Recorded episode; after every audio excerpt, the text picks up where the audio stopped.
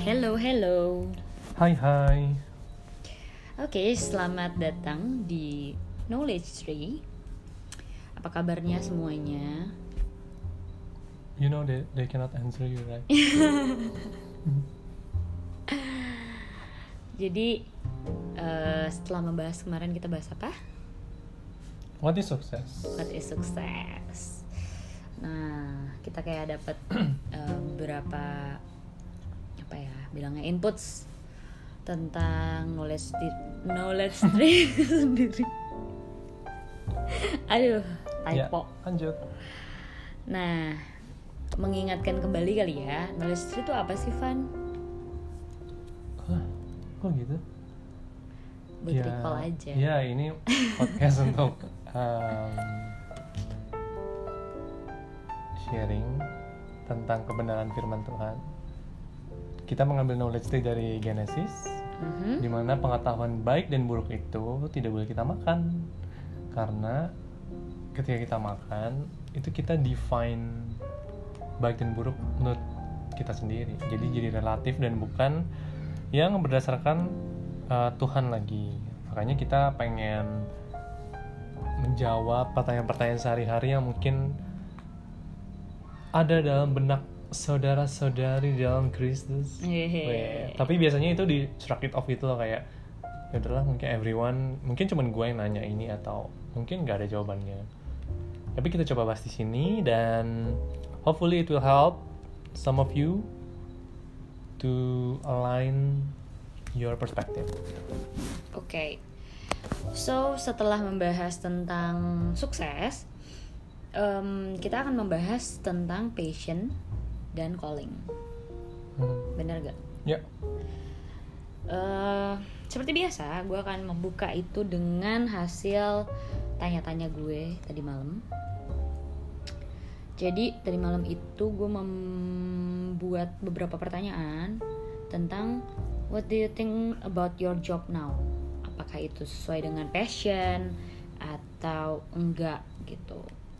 Sebagian orang bilang saat ini mereka lagi super happy karena pekerjaannya sesuai dengan passion mereka dan eh, sedang menuju menuju apa yang mereka suka gitu. Mungkin ada di tengah-tengah proses dan eh, beberapa pertanyaan itu juga gue ada menyelipkan so what is passion gitu. Buat lo apa sih passion? buat gue itu melakukan apa yang uh, Tuhan tanamkan dalam hati Nah, itu kayaknya agak rancu ya tapi that's the best explanation that I can give untuk saat ini ya Oke. Jadi di sini teman-teman em, ya lumayan banyak yang berkomentar. Ada yang bilang itu adalah eh, ya melakukan sesuatu yang kita cintai, kita sukai, yang make me make us alive. Terus ada yang juga yang bilang eh, bisa melakukan apa yang kita suka tanpa beban. wow Terus sebuah nyala yang menggerakkan hidup.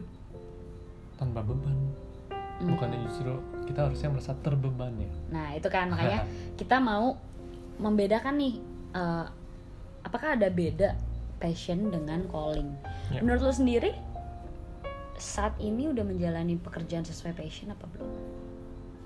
berarti ini nanya pekerjaannya Iya dong, karena ini related banget sama teman-teman yang pasti kan teman-teman yang dengerin antara lagi mau bekerja atau lagi kuliah Hmm. tapi akan bekerja atau yang sudah bekerja atau yang udah pernah kerja habis itu lagi usaha sendiri kayak di umur-umur kita kan biasanya kayak gitu ya. Dan Hmm. hmm, adalah masa di mana kita tuh jadi bingung sendiri gitu. Kayak gue ada per- bikin pertanyaan sih kayak apa ada yang bingung sama passionnya? Dan ternyata ada gitu. Iya. Gimana Oke. sih apakah sekarang Ivan itu sedang merasakan bahwa you are apa ya doing right Doing sesuai dengan passion atau apa sih yang menggerakkan lu sekarang dengan pekerjaan lu Hmm. atau apa pun yang lu kerjakan sa- saat ini gitu Oke. Em, semenjak gue kuliah kedokteran di masih di masih kampus ya belum Hmm. koas. Oh ya buat teman-teman yang nggak tahu gue kuliahnya kedokteran. Jadi saat ini gue dokter. boring Bon. dokter is boring ya Eh, jadi waktu gue kuliah tuh gue udah seneng sama public health atau kalau anak kedokteran bilangnya IKM ilmu kesehatan masyarakat bedanya apa sih kalau IKM atau public health itu adalah cabang ilmu kedokteran sebenarnya kalau cabangnya spesifik tuh namanya kedokteran keluarga sih tapi anggap aja nih IKM ya public health itu kita mengurus kesehatan populasi Hmm. jadi kalau selama ini teman-teman ke dokter itu kan lo ketemunya one one on one kan sama dokternya. Nah kalau public health itu lo lo ngurusin langsung kesehatan banyak orang. Misalnya, wah ada wabah diare nih di RT sekian gitu. Hmm. Oh kalau orang public health itu mikirnya bukan nyembuhin diarenya aja, tapi apa ya bikin dia diare? Jangan-jangan air yang mereka minum di satu daerah ini itu kotor. Hmm. Nah, jadi gue semenjak kuliah tuh punya ketertarikan ke sana. Itu mungkin lo bisa bilang gue passionate about public health. Akhirnya tetap gue jalani kuliah sampai dok sampai jadi dokter, sampai internship. Internship itu wajib kerja setahun. gue jalanin sebagai dokter dan itu draining. Hmm. Jadi Training. I'm not happy, I'm not content. Gue nggak puas gitu sama yang gue kerjain. Oke. walaupun menolong orang sih gitu. contohnya misalnya ada pasien gue yang darah tinggi Oke. ini gue sering banget sih ceritain misalnya pasien itu di puskesmas ya waktu gue lihat kan ada pasien ini oh dia oh dia riwayat hipertensi. Tapi kok kunjungan terakhirnya ini kemarin gue internship tahun 2017 ya. Eh 2018 2018 Mm-mm. dia itu cap di puskesmasnya itu terakhir tahun 2015 dia bilang dia hipertensi. Terus datang lagi dicap lagi tuh tahun 2016 jadi setahun. Terus dicap lagi 2017 udah tiga tahun tuh. Pas dia datang ke gua berarti 2018 dong liat nih orang oh hipertensi datang cuman setahun sekali ya. Hipertensi itu kan tidak bisa sembuh hanya Hmm. bisa dikontrol. Terus pas gue lihat dia datang dia masuk ke klinik masuk ke maksudnya polikliniknya itu udah menyeret-nyeret kaki kirinya. Mm-mm. tangan kirinya pun juga tergelantung gitu loh. Terus gue tanya kan bu kenapa kok jalan kayak gitu? Iya dok eh, saya stroke ringan kata orang kalau stroke ringan mah bisa balik lagi fungsinya berarti ini stroke kan lumayan berat gitu sampai lumpuh setengahnya tapi dia masih bisa jalan sih nah di saat itu di puskesmas ya gue cuma bisa ngasih obat darah tinggi bu saya mau ingetin darah tinggi itu nggak bisa sembuh Hmm. Ibu kalau obatnya habis, ibu harus minum lagi. Ibu mau beli di luar terserah. Mau ke sini lagi boleh. Tapi harus minum. Oke. Terus dia bilang, saya iya, saya udah minum obatnya. Gue bilang kalau lu minum obatnya, nggak mungkin lu sampai stroke. Hmm. Ibu obatnya habis, beli lagi nggak? Enggak. Enggak. Kan saya udah habis obatnya diminum. Jadi dia tuh me- mengobati hipertensi Kayak kayak minum obat batuk gitu. iya minum antibiotik. iya nggak bisa dan menurut gue kayak di saat itu gue ngeresepin obat I'm not helping her gitu Ya. ya gue nggak merasa gue this is not enough gitu loh ada something bigger yang harus kita bereskan dan Hmm. dan gue merasa emang dari dulu dari sejak gue masih itu artinya udah berjalan sekitar lima tahun ya dari lima tahun gue merasa kayaknya gue harus mengerjakan hal yang lebih sistematis sistem sistemik gitu nggak cuman one on one kan berarti gue kebayang gak sih dari 2015 sampai 2018 ini dia walaupun datang Hmm. setahun sekali itu dokternya nggak ada yang peduli nggak ada yang ngasih tahu dia gitu Hmm. bahwa ini nggak bisa sembuh Dan nggak mungkin dokternya itu nggak tahu dong. Iya pasti tahu lah. Kalau dia nggak tahu dokternya nggak mungkin dulu jadi dokter sih. Mungkin kan juga terkait beban kerja kayak terlalu banyak pasiennya, jadi dia nggak sempat edukasi dan segala macam ya. Itu aja gue berpikir secara sis- sistemik Iya. gitu loh. Nah sekarang pekerjaan gue adalah jadi asisten dosen di Fakultas Kesehatan Masyarakat di UI begitu. Akhirnya ini termasuk big decision sih yang gue lakukan setelah gue kuliah dan selesai akhirnya lepas dari institusi pendidikan dan pelatihan Mhm. dari 2011 gue selesai 2018 7 tahun akhirnya gue let it go Mhm. Udah let it go banget apa Let it let it go, go. kecil? Eh, maunya sih let it go banget ya jadi ke- keadaan sekarang di UI itu gue nggak digaji Oke. But paling duit transport gitu loh dan itu kan nggak bisa menghidupi diri lo sendiri bahkan but you're happy now or not?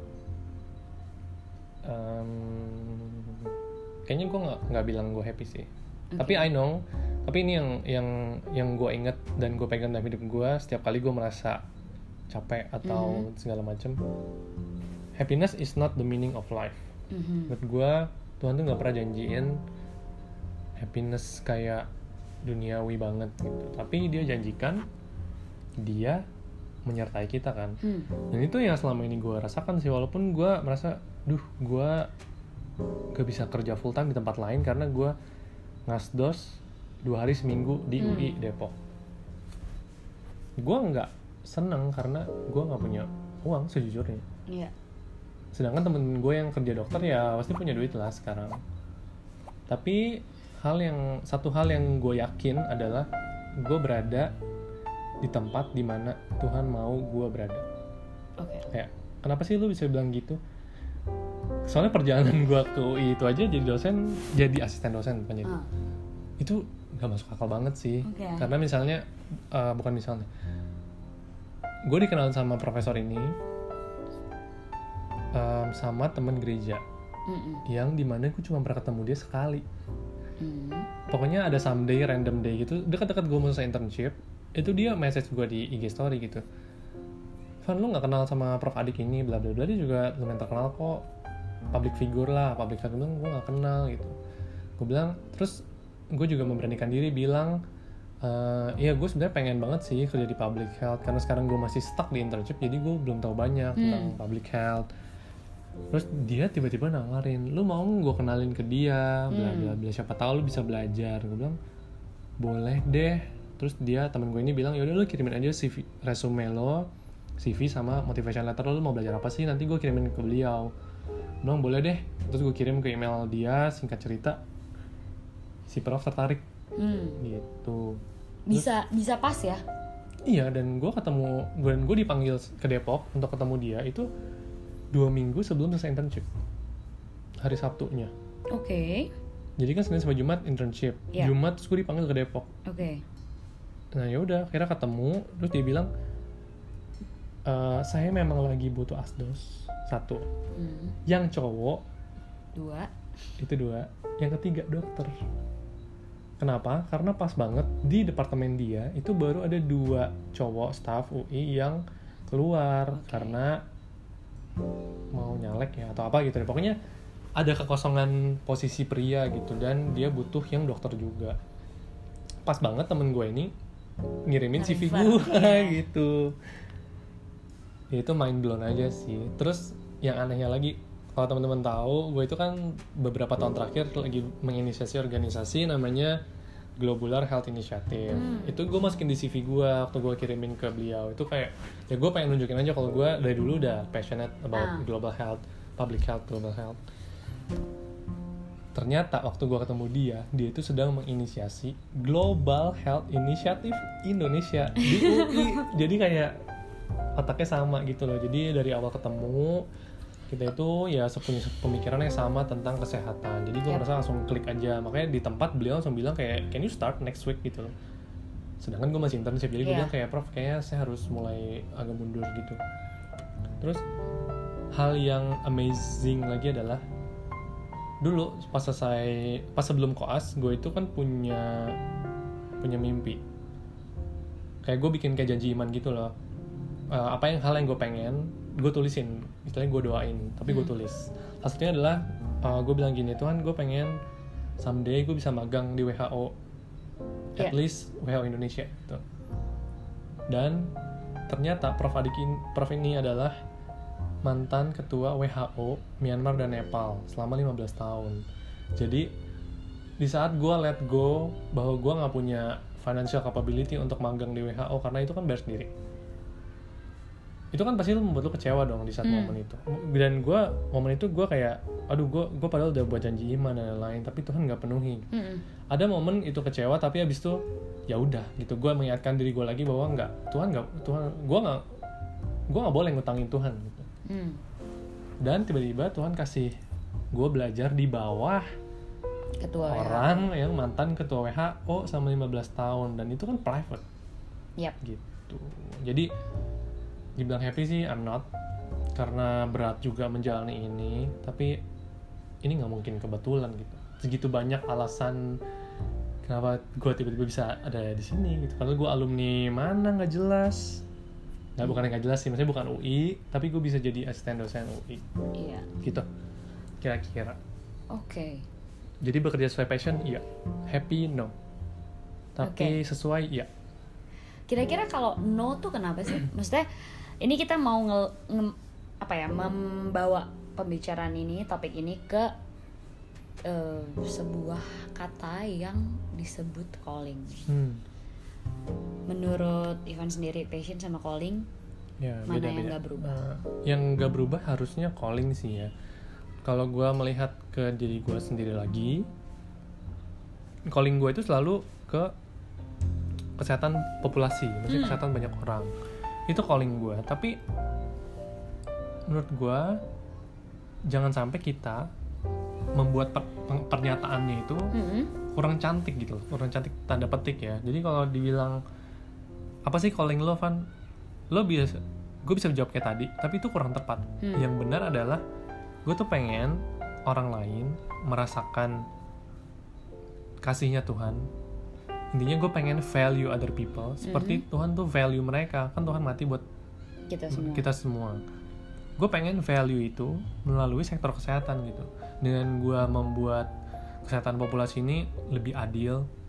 Misalnya kan ada orang yang bisa Berarti berobat ke jatuhnya kayak- swasta gitu. Jatuhnya kayak peraturan. peraturan. Jadi si- lebih sistemnya gimana semua orang tuh bisa punya kesempatan yang sama dihargai dengan sama Mm-mm. di negaranya gitu.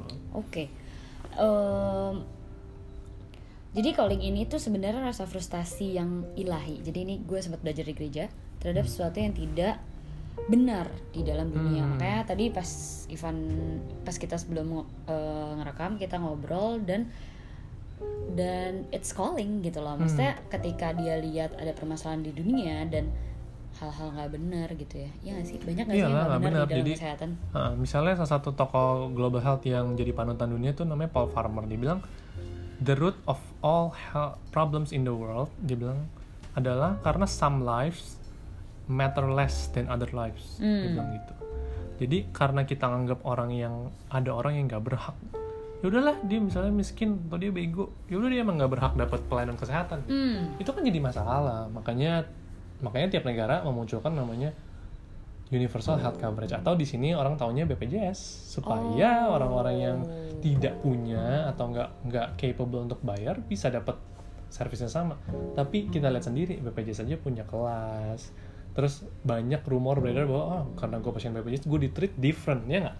Iya. makanya gue tuh gue tuh punya kalau tadi rasa frustasi itu adalah kenapa lu hargai dia lebih rendah daripada orang lain gitu Oke. itu adalah paling karena dan itu berfondasi pada firman Tuhan keadilan ya, keadilan kebenaran. dalam sektor kesehatan iya ya. dalam sektor Nah, kesehatan. dan itu kan fondasinya gue kenapa punya rasa frustasi itu karena gue melihat Tuhan tuh punya common grace semuanya bisa dikasih hujan Ya. semua dikasih berkat dan Hmm. gue fondasinya tetap ke karakter Tuhan Nah, based on my notes, itu tuh sebenarnya kita tuh sebagai manusia itu tuh free to choose untuk menjawab panggilan Tuhan atau enggak. Betul, betul. Nah, hmm, kita mau bahas gimana sih caranya tahu gitu. Ini panggilan Tuhan atau enggak sih gitu. Mm. Ini juga menyambung dengan eh, pertanyaan gue di IG story tentang sebenarnya lo tahu gak sih passion lo tuh apa? Heeh. Jadi kita harus identify dulu ya. Iya. Saya kan identify. Nah makanya kalau di sini gue punya skema. Kita masukinnya dari story event ya, gimana? Boleh ya? Eh, oh ya, oke boleh. Jadi kalau di catatan gue itu yang pertama kita harus tahu strength kita apa. Mm. Itu mungkin yang dibilang dunia sekuler itu tuh passion gitu. Hmm. Karena gue pribadi itu juga tidak gue Termasuk nggak skill sih ya. ya gue nggak bilang hidup passion. gue itu live with passion ya. Hmm. Terus dibilang happy juga hmm, gitu kalau menurut gue ya bener-bener Tuhan aja sih kalau bukan Tuhan kayaknya gue nggak nggak paham sih Iya, juga kayak kenapa gue diciptakan gak punya um, people skill yang baik gitu. Iya. Terus gue ternyata orang bilang gue punya problem solving tuh cukup baik. Iya. Organization organizational skill cukup baik gitu. Itu itu konfirmasi-konfirmasi dari orang sekitar yang kayak juga meneguhkan lu gitu. Kayak Van kayak lu Van lu cuma cuman lu tahu yang gue lihat uh, suka public health kayaknya lu bagus Stefan lu gini-gini jadi ada yang timbul dari dalam hati tapi Konfirmasi. juga konfirmasi itu harus ada gitu terutama dari orang sekitar side notes itulah pentingnya kenapa lu harus punya bad eh, punya orang terdekat ya Iya. yang reliable bisa ngasih reflek bisa tempat lo refleksi diri lah Iya. orang ini tuh ngomong apa Itulah pentingnya kenapa lo harus tertanam dalam gereja gereja dan small group sebenarnya gitu. Mm, Nah, ketika lo tahu strength, berarti even tuh strengthnya itu organizational, terus Ya, problem leadership, public health gitu ya. mm. Nah, di situ uh, kita masuk ke dalam God's vision gitu. God's vision ini gimana sih cara taunya? Yaitu kita balik lagi ke calling. Rasa frustasi apa sih yang yang apa masalah apa yang tim yang ke cross di mind itu dan berasa banget frustasinya gitu loh. tapi sebelumnya sebenarnya kita harus menurut gue ya kita harus tahu dulu fondasinya. Hmm, makanya tadi disebut holy discount holy discontent ya. Iya. gue mau menekankan di holy-nya. Jadi yang gue perhatikan dari omongan-omongan Yesus ya dia tuh sering banget balik ke kejadian 1 sampai 3 Hmm, waktu Tuhan ciptain manusia itu kan kita sebenarnya diciptakan untuk partnership dengan dia dalam bekerja kan. Makanya Tuhan kasih kita pekerjaan apa? Manusia. Coba kamu namain semuanya ini Iya. gitu. Nah sebenarnya dari sana tuh kita harus berpikir gitu. Tuhan mau bekerja apa lewat kita? Hmm. partnering apa? Dan itu yang teman-teman harus jawab. Harus bisa jawab gitu. Dan harus sesuai dengan hatinya Tuhan hatinya Tuhan tuh selalu untuk orang gitu Oke. untuk orang lain Betul. Jadi sebenarnya God's vision ini bisa eh, ditekankan pada calling itu penekanannya adalah for others, bukan buat Diri ourselves sendiri, iya. gitu. Jadi kalau misalnya lo bilang kayak, iya gue tuh callingnya kayak nyanyi, nyanyi buat siapa buat nih? siapa gitu. untuk apa nyanyinya Iya, itu Kalau- penting banget untuk tahu. Kemudian masuk ke calling. Nah, calling ini sendiri adalah sebuah peran gitu. Eh, menurut gue yang yang gue tertegun adalah mm, sering banget kita tergerus sama eh, apa ya panggilan, tapi kita nggak tahu kita mau ngelakuin apa nih ya role apa, peran apa. Itu yang itu yang gue sangat tertegur gitu loh ketika gue diajarin ini. Oh iya ya. Iya, iya sih. Misalnya gue pengen eh, memberitakan good message, tapi gue nggak tahu gue harus jadi apa. Nah, itu gimana sih kalau Ivan sendiri cara eh, translate itu jadi sebuah pembahasan yang orang kira-kira bisa ngerti gitu. kalau gue yang pertama ya gue nggak mungkin Lihat dari mana gitu. ya kalau gue sendiri setiap kali gue melihat misalnya ada ketidakadilan gitu ada pasien yang harus menunggu berjam-jam Hmm. untuk ketemu bla bla bla pokoknya dalam sistem lah gue mau bayangin eh, Tuhan ngerasa apa ya ngeliat hal kayak gini gitu loh Oke. kayak misalnya ini gue bukan membawa suatu agama lain ya misalnya kayak kemarin ada berita kan ISIS katanya udah hancur Hmm. terus masih ada pengungsinya kan yang Hmm. mau pulang gitu misalnya dari Jawa Barat atau dari mana gitu dan gue ngeliat aja gitu komentar netizen Oke. kayak ngapain pulang ideologinya begini kan lu mau jihad apa segala macam udah bakar paspor Indonesia terus gue jadi kebayang tuh yang parable of uh, anak yang hilang kayak Hmm.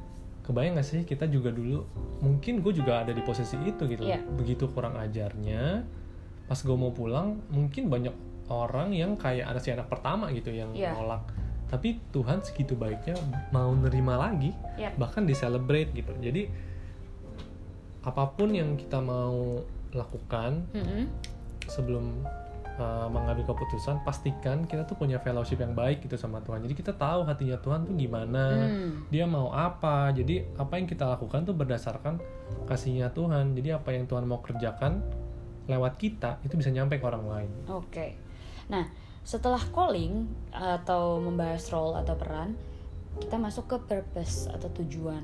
Itu eh, tujuannya sendiri itu sudah pasti adalah to know God and make Him known. ya itu sih mungkin nyambung yang gue bilang fellowship ya Hmm. makanya pastikan kita tahu gitu kita tahu Tuhan kita punya fellowship sama dia yang baik Hmm. kalau kita aja ngerasa jauh sama Tuhan makanya sering ada orang bilang gue nggak tahu Tuhan ngomong apa ya lu jauh lu gimana mau denger dia ngomong apa gitu loh jadi kalau kita nggak dekat sama Tuhan ya jelas aja kita nggak tahu dia ngomong apa Iya. tapi di, harus diingat juga bahwa Tuhan tuh kan tidak pernah berubah. Jadi kalau kita merasa jauh, yang menjauh tuh kita bukan Tuhan. Note Ya kan? Side note. Nah itu eh, nah ayat apa ayat yang gue tulis itu adalah Matius 5 ayat 16 yaitu demikianlah hendaknya terangmu bercahaya di depan orang supaya mereka melihat perbuatanmu yang baik dan memuliakan Bapamu yang di sorga. Hmm. Itulah kenapa purpose itu kembali lagi bukan tentang diri sendiri gitu kayak purpose-nya supaya gue Iya. terkenal, gue jadi orang yang Yang namanya orang bersinar tuh nggak pernah untuk diri sendiri kan, untuk orang lain. Duh gue jadi inget ini C.S. Lewis lagi Oh, ya. yang I tentang believe- matahari. I believe in God as I believe in the sun. Not because I can see the sun, but but I can see the rest itu loh. but but because of sun I can see all of it ya kalau Iya. salah. Pokoknya gara-gara matahari gue bisa melihat semuanya. itu itu Gitu. kayak sangat rema ya. Nah, cara-caranya sendiri itu yang pertama benar kata Ivan, identify your strength. Eh, kemudian didoakan. Doa ini sebenarnya kadang underrated ya.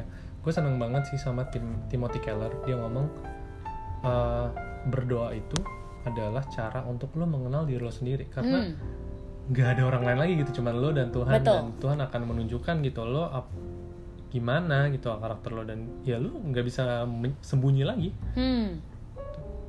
Nah, terus yang ketiga adalah ditulis. Nih, Iya. nih PR. betul nih nih ke- kelemahan ya aku juga ya aku juga maksudnya gue juga sangat sangat males eh, males gitu kadang kayak eh, ide gue tuh bisa Hmm. dalam semenit bisa dua lah gitu kayak Iya. misalnya ih gue lihat ini gue lihat something aja tuh bisa kepikiran ide tapi nggak dijadiin tulisan jadinya lupa Iya, dan ini ditulis di Habakuk 2 ayat 2 itu bagaimana kita bisa menuliskan setiap visi yang datang dari Tuhan supaya hal itu menjadi kenyataan.